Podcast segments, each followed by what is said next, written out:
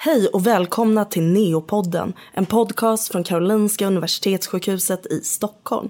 Det är podden som tar upp ämnen om det nyfödda barnet och framförallt dess utmaningar.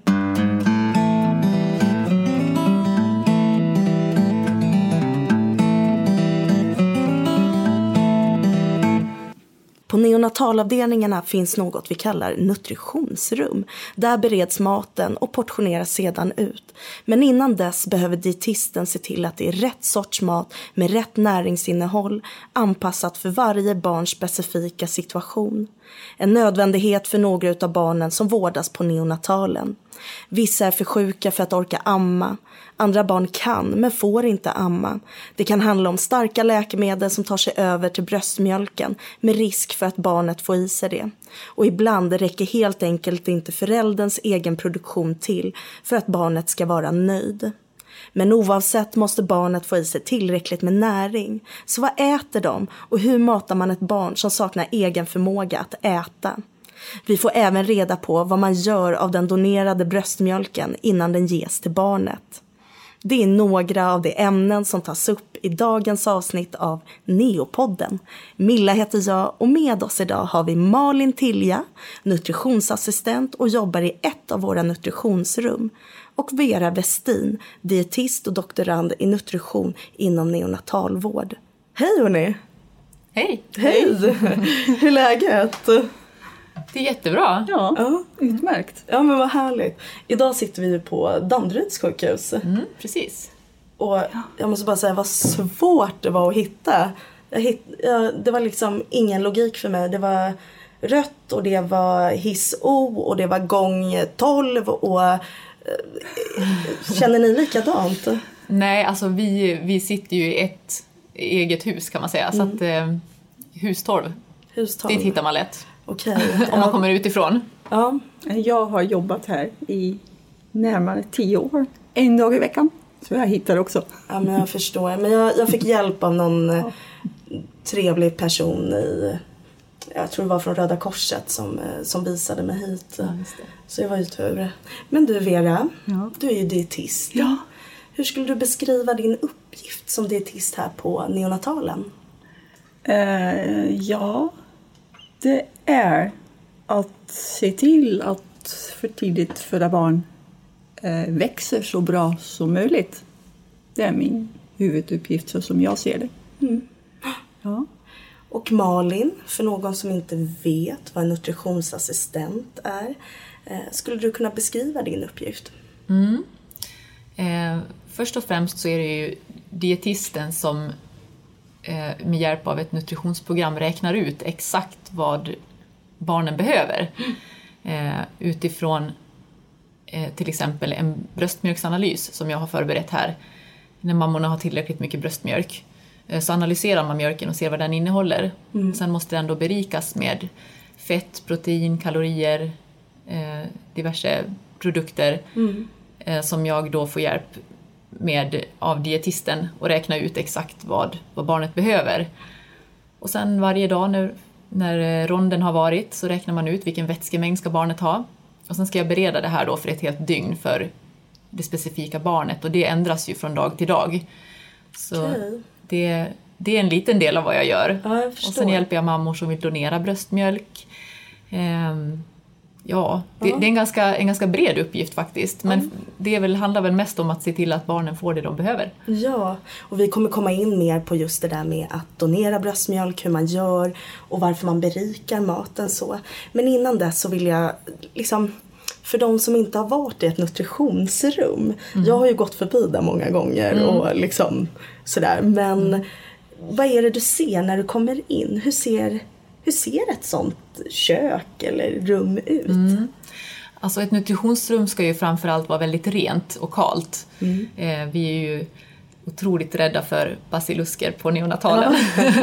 Så att det är rent och sterilt, rostfria bänkar, många kylar, eh, genomräckningskylar där jag kan leverera det som jag har gjort under dagen till personalen som sen ska ta det vidare till, till barnen. Men en sån här matordination som du då får från Vera, hur kan den se ut? Eh, först och främst så får jag ett brev från dietisten då, eh, där det står uträkning på vad det här barnet ska ha oavsett om det handlar om bröstmjölk som bas eller om det handlar om en ersättning.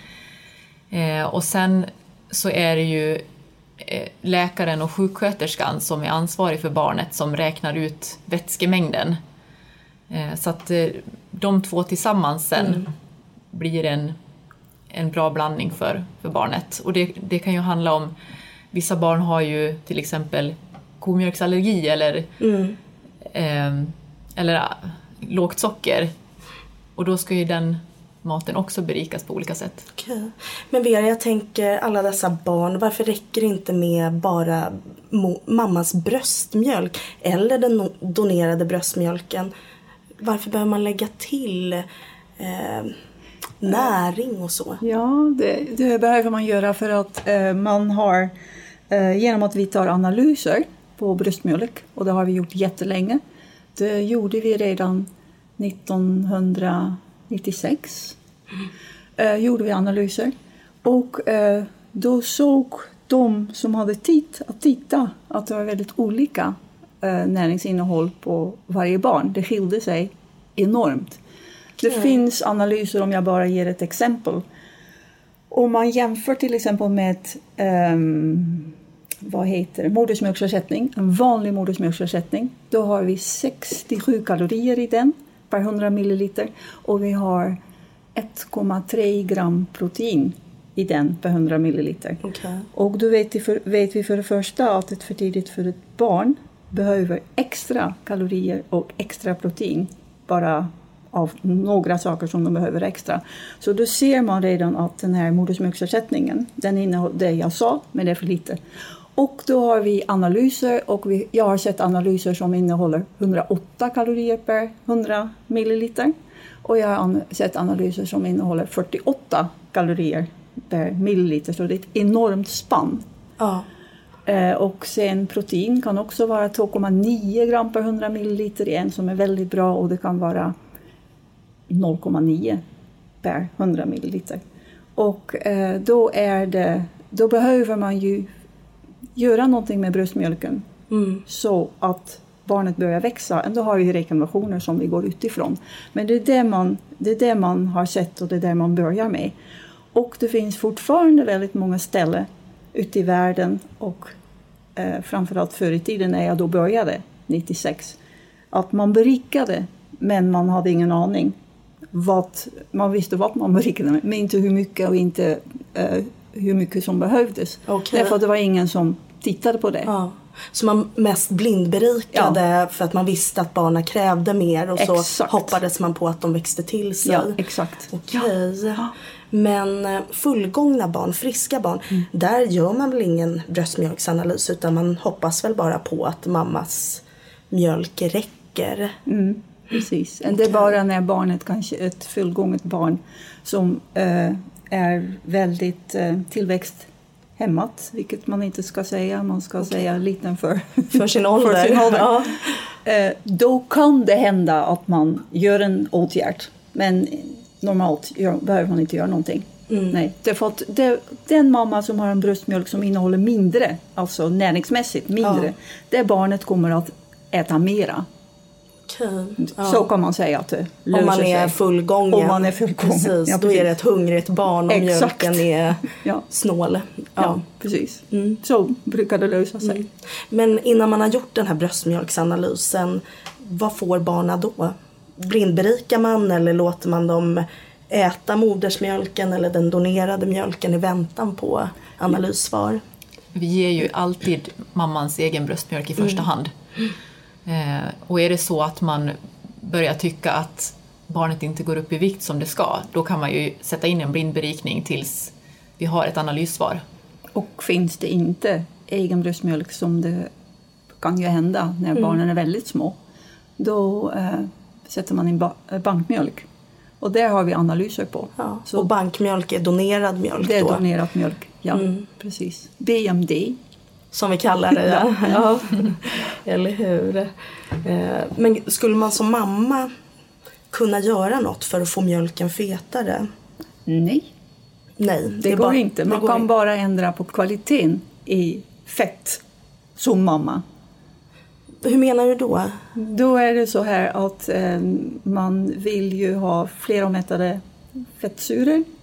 Och om mamman äter många sådana, typ olja och eh, vegetariska oljor och, så, och sådär, mycket fett från eh, icke-animalisk fett, alltså från växtriket, Mm. då höjer man den här eh, mängden fleromättade fettsyror. Och det är ju bra. Men eh, det, är, det är alltså kvaliteten på bröstmjölk, men man kan inte höja mängd fett, mängd protein, mängd kolhydrater genom att äta mera kött blir det mera protein. Så är det inte. Nej, Nej. okej. Och det är ju bra att veta också. Så. Eh, Men om man bortser från att vissa inte kan ge sin bröstmjölk, varför äter nyfödda på Neo olika sorters mat? Vi har ju nämnt att det finns donerad bröstmjölk, men det finns också mjölkersättningar. Varför, ger man, varför kan man inte ge samma sak till alla? Alltså barnen är ju, först och främst så är de ju födda i olika veckor. Mm. Små barn som har omogna tarmar behöver ju någonting väldigt, väldigt lättsmält. Eh, och där har vi ju donerad bröstmjölk då som en stor fördel. Eh, sen är det ju också jätteolika vad, hur mycket barnen behöver i mängd av kalorier och fett och protein. Det är ju, alla barn är ju egna individer. Mm. Så att man får, eh, man får anpassa efter barnet helt enkelt. Okej. Ja, nej, det är inte så att vi ger alla barn bröstmjölk eller bankmjölk. Bröstmjölk om det, om det finns hela tiden, eventuellt berikat. Och vi ger bankmjölk upp till max vecka 34 någonting. Men eh, därför att det är mer att man har bestämt sig eftersom det finns inte hur mycket som helst bankmjölk. Och någonstans måste man ju då, om det inte finns egen bröstmjölk, måste man ju ha något annat som man ska kunna ge när barnet ska hem till exempel. Då Ja, kan man inte det. köra bankmjölk. Och då är det de här ersättningarna Då som man blir det. egentligen kan köpa i butik så. Utom de som vi kanske ger till de allra minsta, minsta eh, med extra kalorier och extra protein Ja. och extra mineralämnen och sådär. Eh, de måste man skriva Mm. på recept. Kan man inte tänka sig att alla barn som föds behöver lite extra mineraler och kalorier? Eh, nej, de som är friska och eh, som eh, följer sin eh, tillväxtkurva eh, där vi tycker att det här fungerar väldigt bra, då behövs det inte. Mm. Nej. Men kanske bara under en period och sen kan man trappa ur. Okej. Det. Finns det en brist på donerad bröstmjölk? Det där går väldigt upp och ner. Eh, Jag kan bara svara för Stockholm. Där är det faktiskt väldigt upp och ner. Just nu är det lite brist. Okej. Eh, Och tyvärr så är det även så att all bröstmjölk som kommer in går inte att använda. Och det kan vara så att den innehåller för mycket hudbakterier till exempel. Att personalen Okej. inte har varit tillräckligt tydlig med att berätta Ja. för mamma att du måste tvätta händerna och du måste skölja brösten med ljummet vatten ibland för att, eh, för att den ska bli fullgod. Ja. Så, men ibland finns det väldigt gott om det och då är vi glada. ja, men jag förstår. Men vad ställer ni för krav på donatorerna? Vad, vad måste de veta innan de eh, kommer och lämnar sin mjölk? Vi har ju många mammor som donerar hos oss på avdelningen. Eh, och då får mamman först fylla i en hälsodeklaration med frågor om eh, alkoholvanor, tobak, eh, läkemedel, om de har fått någon blodtransfusion till exempel. Ja. Eh, när den är påtittad och godkänd, då tar vi ett blodprov på mamman. Man kollar HIV och hepatit. Mm. Och när det provsvaret är godkänt och har kommit eh, till modersmjölkcentralen så, så kan vi skicka mjölken. Och sen när den väl kommer till, eh, till modersmjölkcentralen Ja. så tas en analys på den, ser vad den innehåller. Man tar även bakterieodling och det är där man kan se då om, På mjölken då? precis, Mm. om den är okej att använda. Vi har ju väldigt många duktiga mammor hos oss som pumpar och donerar. Ja, jo, men jag, jag kan tänka mig. Och är man liksom väl här och man har sitt barn på neo så förstår man ju också vikten av det. Sen är det ju många som fortsätter att pumpa och, och donera hemifrån också. Ja. Men hur får man reda på den här informationen? Jag tänker om man inte har sitt barn på neo och man sitter där hemma och mjölken rinner längs med benen. Var, vart lämnar man in den då? Ja, alltså, Eller vart hör man av sig till? I Stockholm så är det ju Modersmjölkcentralen som ligger på Södersjukhuset. Ja. Så det kan man, det kan man googla upp. Ja, Eh, och vi är ju jätteglada om så många som möjligt vill donera. Men det finns en gräns också. Man måste, ska man donera så ska det vara inom de tre första månaderna. Eh, finns det någon anledning till det för att- som ni vet? Ja, det är väl för att eh, innehållet i, i mjölken eh, ändras så Ja, pass mycket när barnet blir äldre. Det blir lite blaskigt. Det blir lite blaskigt, precis. Så vi vill ju ha en näringsrik mjölk till de här små, små barnen. Men i och för sig skulle det vara väldigt bra om man kunde utöka den, eller den gränsen om man skulle ta bort den. Därför att vi skulle ju kunna använda bröstmjölk på, för andra saker. Vi skulle kunna ha bröstmjölk som berikning. Ja, okej. Och då är det bröstmjölken, då måste man göra pulver av den. Och det är Ja. möjligt, därför att jag har sett det. Du De tänker in i framtiden här. Ja. Och då eh, kan vi, skulle vi kunna använda eh, den då som eh, en berikningsprodukt istället för våra traditionella och antagligen slippa en massa av de här problemen som barnen har med svullen buk och sådana saker. Så du tänker att man frystorkar mjölken och sen så Exakt. blandar man till den hemma Yes. precis som man gör med en ersättning. Ja, Ja, det här är ju väldigt smart. För det är ju ändå så att de här berikningarna, även fast de behövs så är de inte alltid så snälla. men Eh, då man- kommer vi in på nästa grej. Ja. Då blir det liksom att vi ger eh, bricka med Altera.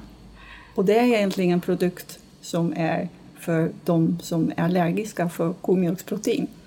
Ja, just det. Och, eh, men Men vi kan ta det sen. Nej då, nej då, jag tycker det var jättebra. För, Ja. att, för det är ju så, ersättningarna idag eh, de är ju gjorda på komjölk. Ja. Eh, I framtiden så vill vi ju ha det så som du sa Vera, att vi istället frystorkar modersmjölken och ger den. Eh, och eh, det som händer är ju att vissa tål ju inte eh, komjölken. Det verkar så. Ja. Att det är, ändå är de inte därför att de är allergiska. Det är inte så, det är inte det som är problemet. Men det hänger väl på att det här slem, eh, slemhinnan i, i, eh, i mag-tarmsystemet, eller tarmen då, är inte utvecklat. Okej. Peristatiken är inte som det ska och omogenheten överlag är så pass stor så att de, barnen har svårt att tolerera det här komjölksproteinet. Okej. Och det är därför då när vi ser, när vi har sådana barn som har jätteproblem, till exempel de har fått näck och sen har de haft TPN i 14 dagar. Mm. Vad är ska de- och vad är TPN? Nu blir det svårt här. Nej, men NEC är ju en nekrot. Nekrotiserade enterokolit. Ja, tarmen dör kan man säga, eller bitar av tarmen går i nekros Ja, i och värsta- i ja. värsta fall och Ja. förlorar ju sin eh, funktion och man måste operera bort den Ja, biten. är, precis. Då ska man då inte äta perost. Det får inte komma någon mat i magen, i tarmen. det. Och då får man näring via dropp. Droppen. Då heter det parenteral nutrition. Just det, som vi eh, ja, Som kallar lite sitter- slarvigt för TPN då. Ja, just det. Men, eh, Som sitter i liksom en genomskinligt plastförpackning som hänger bredvid Ja, barnet i men det har väl alla sett på filmer och sådär. Det hänger någon påse vid sängen och det liksom droppar in någonting. Eh, ja, men då nämnde du Altera. Det är egentligen ett märke väl för en... Eller? Altera är ju en ersättning Ja. som är komjölksproteinfri. Men den kan man ju också då använda som en berikning som Vera sa. Okej. Och det gör man då när, när de har varit i det där tillståndet och haft då den här äh, droppet i, direkt i blodet, näringen direkt i blodet i två veckor som det är för, föreskrivet. Och då ska barnet försiktigt börja äta bröstmjölk igen. Mm. Och då ska egentligen alla berikningarna som var där innan tillbaks. Men det vågar man inte riktigt göra därför att man vet inte hur, eh, hur tarmen accepterar det här. Och då provar vi med eh, att istället ta eh, den där komjölksfria, komjölksfria modersmjölksersättningen och berika med den. Och ännu bättre skulle vara om vi hade bröstmjölk i pulverform Ja, men så- kan vi ta patent på det här? eh, Så ingen annan i Sverige gör det. Eh, Men eh, känsligheten för Ja. komjölksproteinet, Ja. växer den bort? Yes, det gör det. Så att det här är inte en ren allergi på så Nej. sätt? Nej. Nej, nej, det är det inte.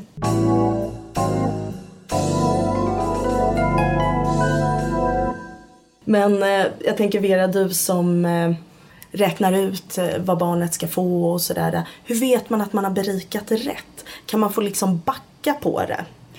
Just det. Eh, Man har de internationella re- rekommendationerna och vi har till och med från Socialstyrelsen rekommendationer från 2014. Och eh, det, har, det finns då en siffra på varje nutritionsämne. Okej. Eh, hur mycket barnet behöver enligt rekommendationen. Och så har vi programmet Nutrien som alla känner till, eller? Eller? Gör, som ni känner till. Ja, vårat Det är ett beräkningsprogram för både eh, det ett, ja, för tillväxt och nutrition. Mm. Eh, där man lägger in tillväxt på barnet och man lägger in ehm, det, alla, det finns alla nutritionsprodukter, de finns redan där men vi lägger in då de analyserade bank och bröstmjölk. Och utifrån det kan vi då räkna ut hur mycket um, prein, uh, Preinan HMF, proteinbrickning vi behöver, hur mycket kalogen, fettbrickning vi behöver.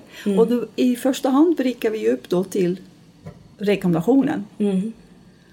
Och eh, då ser vi vad händer med det här barnet, börjar barnet växa? Okej. Ja. Ibland växer inte barnet. Nej. Och då diskuterar vi kring tillväxten på en rond tillsammans med läkaren, sjuksköterskor.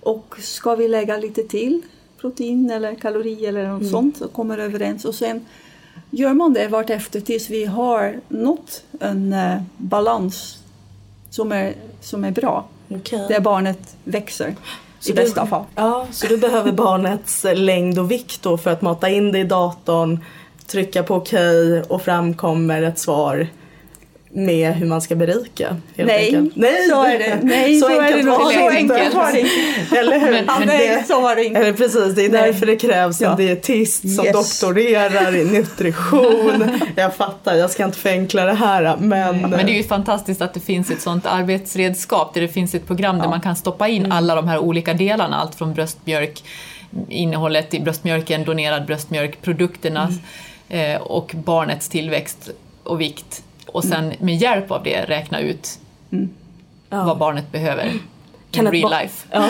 eller hur? Kan det växa för snabbt? Ja, Yes. det kan det göra. Det kan det också göra. Ja, precis. Men det gör det också ibland därför att eh, vissa barn har väldigt svårt att växa under en period. Och då kommer vi på, ja vi lägger till lite till och vi lägger till lite till, alltså brickning och kalorierna går upp och eh, vi har en gräns när det gäller proteinet, vi kan inte bricka hur mycket som helst med den. Men i alla fall. Och då, på den balansen som är rätt så högt energimässigt, näringstätt, då kanske barnet inte förlorar någon vikt. Mm. Men så följer man det och sen rätt vad det är sticker den där tillväxten rakt upp. Jag säger det lite populärt, rakt upp i luften. Korsar flera kurvor. Och det ska det inte göras. Nej. Och det är då man måste vara med och bevaka det och dra ner på brickningarna. Okej. Ja. Ändå är förklaringen, min förklaring är kanske, att då har ju systemet har mognat. Mag-tarmsystemet har mognat. Plötsligt börjar barnet suga i sig de där kalorierna som finns i, i maten. Och eh, det är väldigt bra, därför att då vet vi, det är, ett, eh, det är väldigt bra, då vet vi att hon, barnet börjar bli frisk. Sen är det ju så också att även om man har ett mål med vad barnet ska få i sig så, så man börjar ju inte med att ge berikningar fullt ut utan man gör ju en, en långsam upptrappning. Och även när man kanske behöver gå över från donerad bröstmjölk till en ersättning så trappar man långsamt in den så att man ser att barnet hänger med och att magen mår bra utav det. Ja, just det. Men växer de som andra barn, fullgångna barn? Eller går det lite långsammare? Det, det, ja, det beror på. Att Ja, just det, de kan ju... de kan växa väldigt snabbt, men det ska de inte göra. Nej. Eh, De ska växa lagom för hjärnans skull Ja. och eh, även för eh, Du säger för hjärnans skull. Ja. Varför hjärnans skull? eh, det är viktigt att hjärnan växer. I takt med kroppen då? Ja, just det. ja precis. Hjärnans utveckling är väldigt viktigt för hur barnet kommer att fungera senare i, eh, i livet. I skolan och eh, på jobbet och allt det där. Och det är jätteviktigt. Det, hä- det hänger ihop, hjärnans tillväxt och den här ehm, utvecklingen. Ja. Development, nu kommer jag inte riktigt ihåg hur jag Nej, ska men det- uttrycka mig. Ja. Men det, det är det nästan det viktigaste. Och möjlighet att påverka eh, detta, alltså hjärnans tillväxt, har man upp till två år. Och har man inte kommit någon vart då under dessa två år, då, då är det ju då är det väldigt synd. Ja. ja, precis. Och då är det viktigt med näringen. Ja. Att, eh, Men då är det ju så svårt också därför att då, då skulle man ju tycka vad bra, vi ger barnet mycket mat och den ska till snabbt komma upp till sin normalkurva. Men det där snabbt ska den inte göra därför att då triggar man igång eh, ett mekanism som kan göra att barnet när det i vuxen ålder får det här metabola syndromet okej. och det metabola eh, syndromet innebär sjukdomar såsom övervikt, diabetes, hjärt-kärlsjukdomar. Och då är ju det ett problem för våra barn på sikt. Om man Okej. inte har väldigt bra koll på den här tillväxten, att den går lagom. Och just detta är det allra svåraste. Därför vad är lagom? Ja men Precis. gud vad spännande. Så att, eh, bara så att jag förstått det rätt. Så du menar att om vi nu eh, liksom tjoffar i det här barnet massa näring så triggar det något som gör att barnet i förlängningen lättare får eh, övervikt och hjärt-kärlsjukdomar och så vidare. Diabetes typ 2 då. Diabetes, okej. Ja, ja precis. Ja, Det finns ju mycket spännande forskning på det här. ja. Vilket jobb ni har. Jag bara känner att den där maten som jag ger barnet. Det, det är Det liksom... ligger mycket hjärta och kärlek Ja, och tankeverksamhet bakom. Mm. Ja. Alltså jag tänker också lite på hur, hur blir det för barnen när man berikar det här och eh, de får massa fibrer och allt vad det är. Men hur märker man det på barnet innan det liksom värsta tänkbara har hänt? Blir de inte förstoppade av allt det här? Ja, det, det, det finns ju olika tecken på det där. Att eh, man börjar med maten och det är väl de som är på golvet som märker det först. Därför att man har ett dropp som går och rätt vad det är ehm, ser man på barnet att det inte mår bra eller att det kanske vill kräkas eller att eh, magen sväller upp och sådär och då är golvets reaktion är nu måste vi backa lite grann på droppet. Mm. Så man, antingen tar man en paus eller man drar ner på hastigheten helt enkelt. Eh, och om man har hållit på då under ett, eh, några dagar och det är på det sättet fram och tillbaka med den där hastigheten, då är det ju problem. Men menar du droppet som går direkt ut i blodet eller Nej. menar du, du menar mat som vi kan ha Matdroppet. som Ja. går via munnen ner i Ja. magsäcken? Ja, okej. precis. Ja, jag tänkte väl. Ja, ja Mm, exakt. mm. Det är matdroppet. Och då är det väldigt viktigt att vi då, eh, Malin och jag, har en dialog med personalen på golvet. Mm. eh, hur det är och med läkarna såklart också. Och ehm, det är ju då också en av orsakerna att eh, många barn inte går upp i vikt så bra.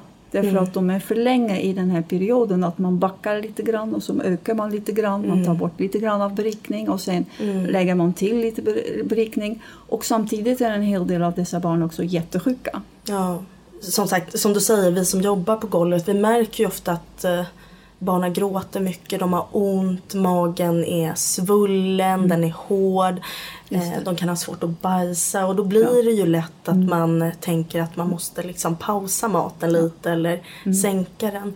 Så att det där är ju jättesvårt för risken finns ju annars att tarmen att det går hål på den eller blir nekrotisk. Eh, Så det är, ja. det är en balansgång. Ja, det är en jättebalansgång. Så att har man nutrition i fokus, som då en dietist har, och en nutritionsassistent också.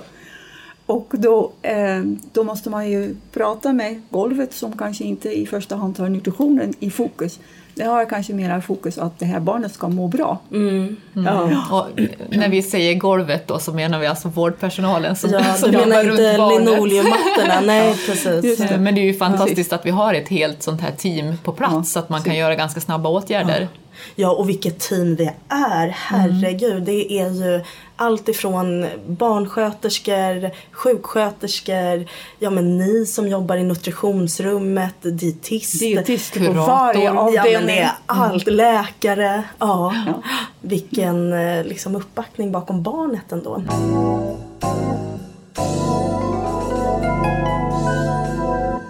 Men jag tänker att Vera, du nämnde ju eh, mat... Eh, jag tror du sa matpump och då kan vi också prata lite om hur vi faktiskt matar de här barnen. För att många av dem kan ju inte amma av olika anledningar. Eh, och heller inte ta nappflaska och då måste de ju få i sig maten på något sätt. Malin, vad... Det finns ju, finns ju något som kallas sondmatning. Vill du berätta lite om det? Mm, det kan jag göra. Alltså det är ju väldigt, väldigt få av våra barn som kan amma från början. Många är ju små och har inte den orken eh, och kanske inte på ganska lång tid kan få till ett, ett bra sugtag till exempel. Eh, Så att många barn hos oss har ju sond. Eh, Det är en liten tunn, tunn slang som man stoppar in i de flesta fall genom näsan och ner i magsäcken. Och så tejpar man fast den på kinden då så att den kan sitta där ett antal dagar. Eh, I vissa fall vet jag, kanske mer på Karolinska i Solna och Huddinge, att man även sätter den från munnen på de lite mindre barnen. Eh, Och genom den här sonden då så, så matar vi barnen var tredje timme med den mängd som, Ja. som de- behöver. Ja, Och det är ju uträknat från dag till dag då vad de ska ha i, i mängder. Ja, och jag tänker också på det här med var tredje timme. Ett barn man har hemma, det matar man ju när den visar liksom behov av att äta. Precis. Medan här så har vi ju schemalagt det. Vad tänker ni kring det? Finns det en anledning till det? Är det för oss personal? För att vi inte ska glömma att mata det här barnet? Eller behöver den mat var tredje timme? Alltså dels så är det ju väldigt lätt att de här barnen tappar vikt. De, eh, de gör ju av med betydligt mer energi än ett fullgånget barn. Okej. De tar energi till att hålla värmen till exempel, att orka äta, sånt där som fullgångna friska barn ändå har automatiskt. Ja, ibland kan det vara så här då, för det är en, man har ju räknat en volym på barnet. Och sen har man, om, om man har kommit så långt att det blir bo- bolusmatning, därför att innan dess är det ju kontinuerligt till de allra minsta. Ja, kan du berätta vad, för de som inte vet, vad är bolusmatning och vad är kontinuerlig matning? Ja, just det. Kontinuerlig matning är då att man fördelar den maten som man ska ge över 24 timmar. Eh, och då eh, blir det då ett antal dropp som man, eh, vad ska man säga, ett antal eh, milliliter Mm. som man hela tiden ger då i Precis. en pump, matdropp heter Ja. det väl. Ja, ja men precis, man kopplar en, ja. men som vi pratade innan, den här påsen eller oftast är det ju en spruta, en förutdragen spruta som du Malin har fixat i nutritionsköket. Precis. Som vi på golvet kopplar till en pump, ställer in exakt antal millilitrar det. som, eh, som ska ges och ges liksom under hela dygnet. Just Så det är kontinuerlig matpump. Och det är, ju, ja. förlåt, det är ju också en form av sondmatning alltså, så att den här sprutan som man kopplar till en pump, den är också kopplad till den här sonden. Precis. Ja, inte... Så att, så att det blir en väldigt, väldigt långsam matning. Det kan handla om några milliliter i timmen. Men att det då hela tiden kontinuerligt pumpas in i, i barnets mage. Så att det ska vara väldigt skonsamt för magen istället för att vi kanske matar på 30 minuter en större mängd så kan man mata under hela dygnet. Ja, så är det också. I vissa ställen gör de inte så. Då Nej. har de bolusmatning direkt från början. Ja. Och då delar de det här totala volymet på till exempel 12 tillfällen. Mm. Och då blir det, väldigt, då blir det ju lite mera än det som går eh, varje timme i barnet. Men väldigt små mängder ändå. Mm. Och det tolereras också bättre. Och sen nästa steg är att man har åtta mål. Och ibland kan det vara att man har åtta mål, man har räknat ut hur mycket barnet behöver och delat genom åtta. Och det är bolusmåltiderna kan vara för stora. Barnet mår, orkar inte få i sig eh, dessa, vad kan det vara, 25 milliliter.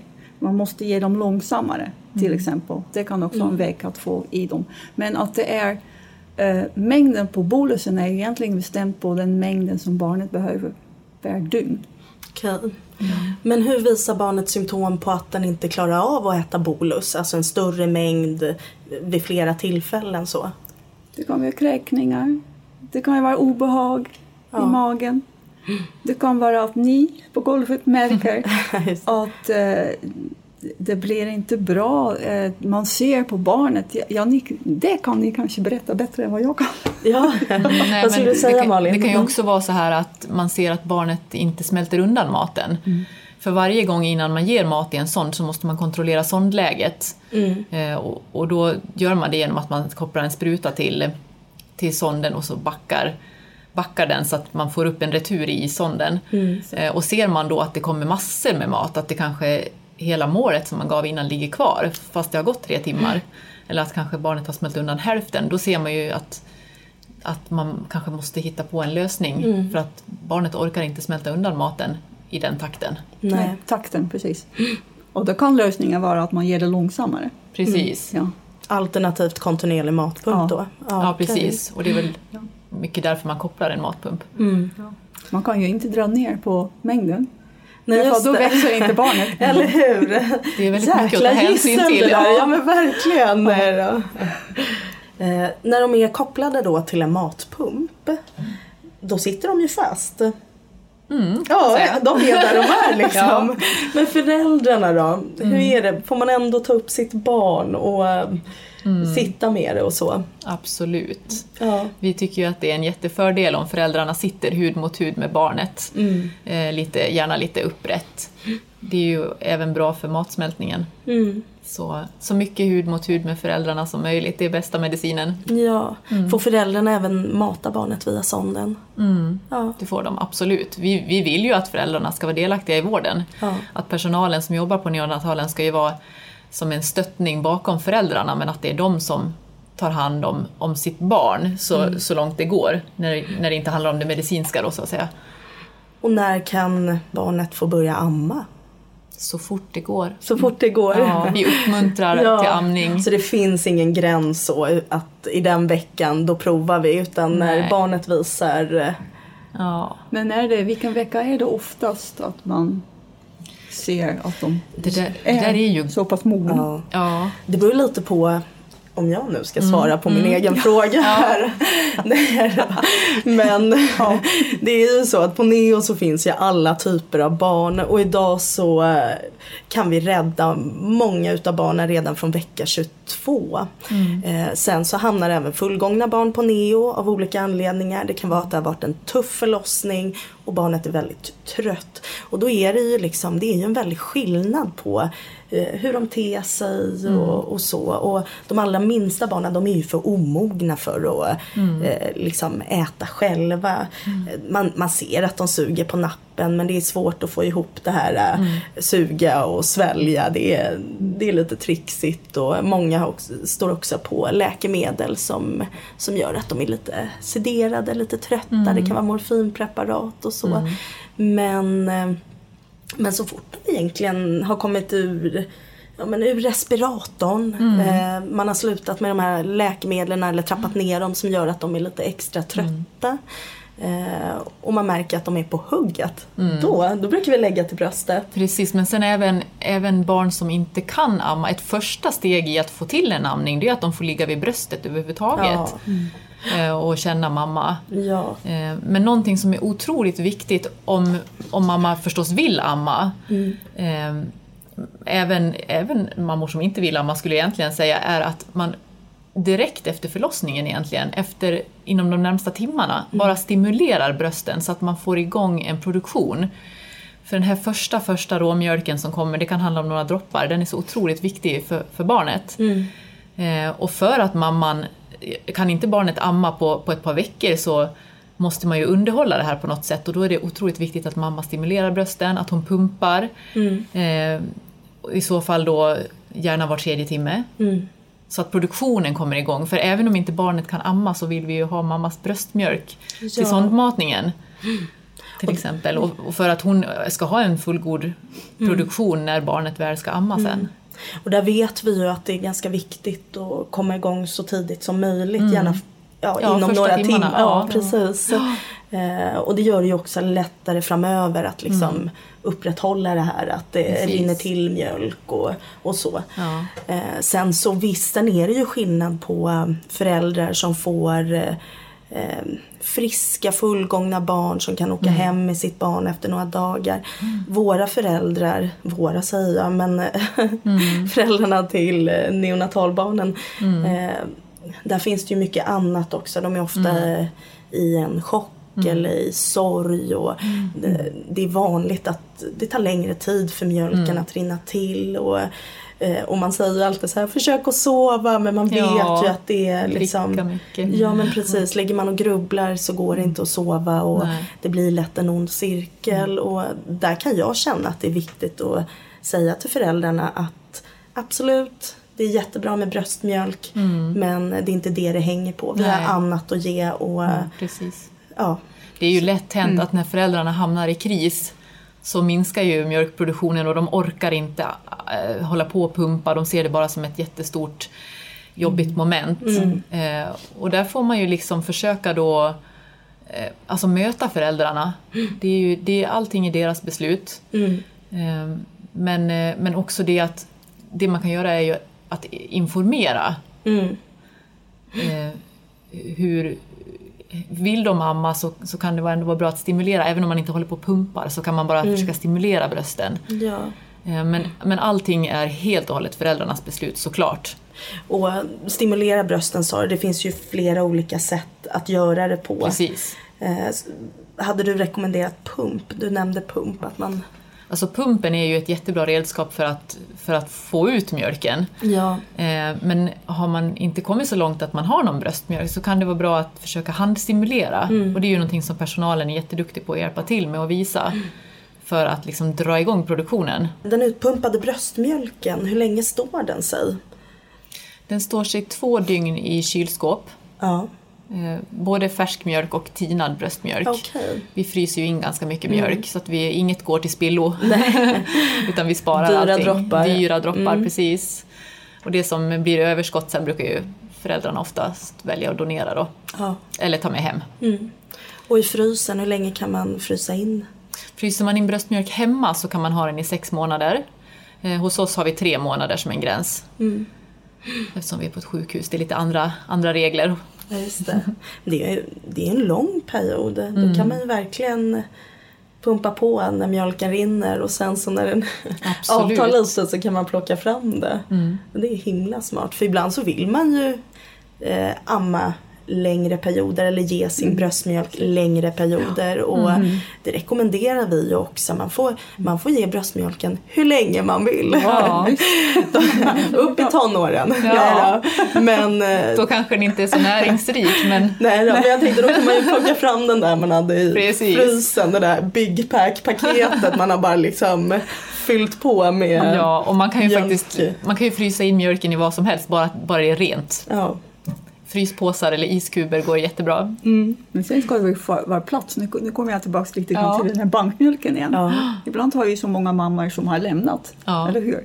Så våra fryser på avdelningen är helt fulla med bankmjölk. Eller med, inte bankmjölk, med egen mjölk. Men ehm, det behövs inte längre och det kan doneras. Eh, då ringer man till eh, Bankmjölkcentralen, SÖS. Och då vill man eh, att den ska komma dit. Och då får man höra, ja men våra frysar är fyllda. Vi kan inte ta emot. Fastän en frys, det, Ja. det kan man ju köpa på Elgiganten. Nej jag vet inte men Ja. nej det är ju speciella frysar men jag tänker det Jo, men det- att det ska vara problemet när man Exakt. väl har mjölk och, Ja. och vi vet att barnen behöver det då, ja. Än om man har framtidsplaner om att göra pulver av mjölk Ja, men redan använda där. som berikning. Då är det här inte bra. Nej. Nej, det är framtiden. Eh, Tack Malin och tack Vera, det var allt för den här gången. Tack. Tack. Tack. Ni som har lyssnat, fortsätt att lyssna på oss och sprid ordet om Neopodden. 10% av alla barn som föds kommer i kontakt med neonatalvården och därför är det av vikt att fler får veta vilka vi är och vilka prövningar, mot och medgångar barnen och föräldrarna möter på neonatalavdelningarna på Karolinska sjukhuset.